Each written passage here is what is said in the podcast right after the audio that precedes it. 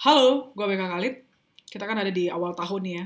Dan gue rasa sebelum awal tahun ini, di bulan-bulan sebelumnya udah banyak, bahkan mungkin yang di pertengahan tahun sebelumnya ya, itu udah mulai membuat rencana apa yang harus dilakukan dalam bisnis, usaha, atau pekerjaannya, atau bahkan dalam hidupnya gitu ya, di tahun ini, di 2022. Atau yang mungkin kita bahas itu sebagai satu bentuk resolusi. Tapi kalau buat perusahaan, buat bisnis, itu mungkin namanya bukan resolusi ya, tapi lebih kepada target jadi pencapaian uh, skema peta baru yang ingin dicapai di tahun 2022 ini. Nah, dan hampir semua, kalau bisa gue bilang bahkan semuanya ya, bisnis ataupun perusahaan itu ya fokusnya itu kepada angka. Angka apa? Bukan angka customernya saja berapa, angka emisi CO-nya jadi berapa, dan sebagainya, bukan angka-angka itu. Angka-angka itu iya penting, karena kan semua perusahaan itu dituntut sekarang untuk fokus kepada tiga hal ya. Bukan hanya kepada uh, profit ya, tapi juga kepada planet, artinya environmental ya, sustainability dan juga kepada people. Karena ketika itu uh, berjalan beriringan, gearnya itu muternya itu klop, itu membuat laju perusahaan tersebut jadi lebih baik atau bahkan jadi jauh lebih uh, profitable harapannya tetap kembali ke profit gitu. Ya gue nggak bermaksud politis gitu ya atau atau gue maksudnya gue memang nggak mau bermaksud politis gue nggak mau bermaksud kayak formalitas atau ya bahasa basi enggak gitu. Karena gue sadar bahwa di setiap perusahaan gue di mana gue bekerja dan juga usaha-usaha yang gue pernah uh, jalani gitu ya gue juga fokus kepada angka. Angka apa? Angka uang. Berapa uang yang dihasilkan? Duit yang dihasilkan dan menurut gue itu nggak salah gitu. Ya, menurut gue itu nggak salah karena itu sesuatu yang wajar.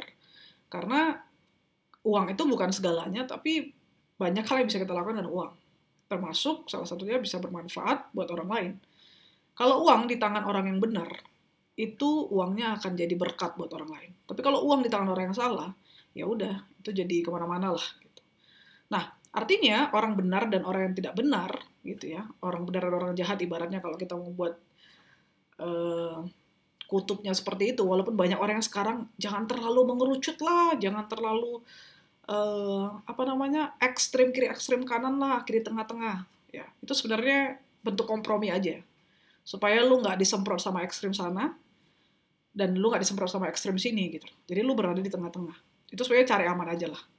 Dan itu bukan berarti toleransi. Toleransi itu artinya lu menerima walaupun lo ada di ekstrem kiri lo menerima ekstrem kanan ada kok gitu. Dan nggak salah kalau ada di ekstrem kiri. Selama ekstrem lo itu ekstrem yang baik yang benar gitu. Tapi kalau lo berada di ekstrem yang jahat ya lo harus berpikir bahwa mungkin mata lo belum terbuka untuk melihat bahwa itu ekstrem yang jahat. Sehingga pengertian lo merasa apa yang lo lakukan itu benar gitu. Sehingga orang dari ekstrem lain itu tidak bisa menghakimi lo ya. Jadi ya kembali tadi bahwa kalau orang benar yang pegang duit ya dia akan pakai dengan bijaksana, dia pakai untuk bermanfaat buat orang lain, dan kita jadi trusted gitu. Tapi kalau di tangan orang yang salah ya, sama dia kalau misalnya kita punya anak nih, anak kita ada dua orang. Kita tahu bahwa si A ini anak kita yang pertama, si kakaknya itu cenderung orangnya, atau bahkan kita bilang orangnya boros. Sedangkan adiknya itu lebih hemat gitu. Jadi apa-apa itu ngeluarin segala sesuatu itu lebih perhitungan. Kalau dia nggak e, perlu, dia nggak beli. Jadi dia nggak impulsif kalau beli sesuatu. Nah, kita tahu ketika kita kasih uang satu, satu juta ke masing-masing, ke si kakak dan si adik, kita tahu nih, dalam jangka waktu seminggu kalau kita cek lagi, siapa yang duluan habis gitu. Misalkan kita kasih tanpa kita batasin ya. Kita cuma bilang, nih kasih, pakai, terserah. gitu. Mungkin kita bisa ketemu si kakak ini ya sebelum seminggu aja udah habis gitu. Bahkan mungkin dia jadinya utang, utang gitu, atau minus. Tapi si adik, bahkan dia sejuta itu, mungkin dia masih tetap butuh sejuta dan dia pikir dia sedang menginvestasikan sejuta itu gitu. Jadi sebenarnya uh, tidak ada yang salah dengan kita itu punya usaha, bisnis, pekerjaan atau perusahaan yang sedang kita jalankan atau kita sedang bekerja di sebuah perusahaan untuk fokus kepada angka-angka itu. Karena memang kalau tanpa angka-angka itu ya perusahaan itu juga nggak bisa berjalan kan gitu. Kalau perusahaan itu juga nggak bisa menggaji kita kan gitu. Dan artinya nggak bisa memberikan dampak ya itu kan sebenarnya efek domino ya untuk memberikan uh, penghidupan perekonomian kepada masyarakat secara luas. Jadi tidak ada yang salah dengan kita berlari mengejar angka. Ya. Yang salah menurut gua adalah ketika lu udah berlari mengejar angka, tapi lu lari itu untuk angka itu gitu loh. Jadi ya kan bener, kita harusnya berlari mengejar angka, lu bilang tadi bener.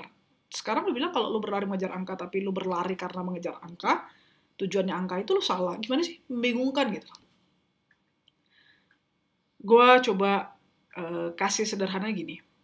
Gua berusaha bekerja keras dan segalanya gitu ya untuk tahu ketika eh untuk mencapai ketika gue tahu target pencapaian di tahun ini misalkan satu miliar contohnya gue melakukan apa pun satu miliar tapi ketika satu miliar itu tercapai uh, eh, gue tidak senang berlebihan gitu gue senang pasti tapi gue nggak senang berlebihan dan gue tidak terikat dengan itu karena tujuan gue berlari mengejar itu bukan untuk satu miliarnya tapi karena gue sadar bahwa ketika satu miliar itu ada itu bisa membantu banyak orang orang jadi karyawan-karyawan di perusahaan itu jadi bisa gajian uh, perusahaan ini tetap bisa running tetap bisa memberikan dampak dan sebagainya. Jadi pikiran kita jauh lebih luas.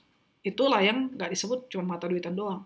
Kalau gue cuma mikir kayak target gue cuma satu miliar, ketika gue dapat satu miliar, gue dapat bonus. Ya karena gue udah capek misalkan, gue dapat bonus misalkan tiga persen. Ya udah berarti dari satu miliar itu gue dapat tiga persen, gue dapat 30 juta. Ya gue kejar bonus itu, gitu.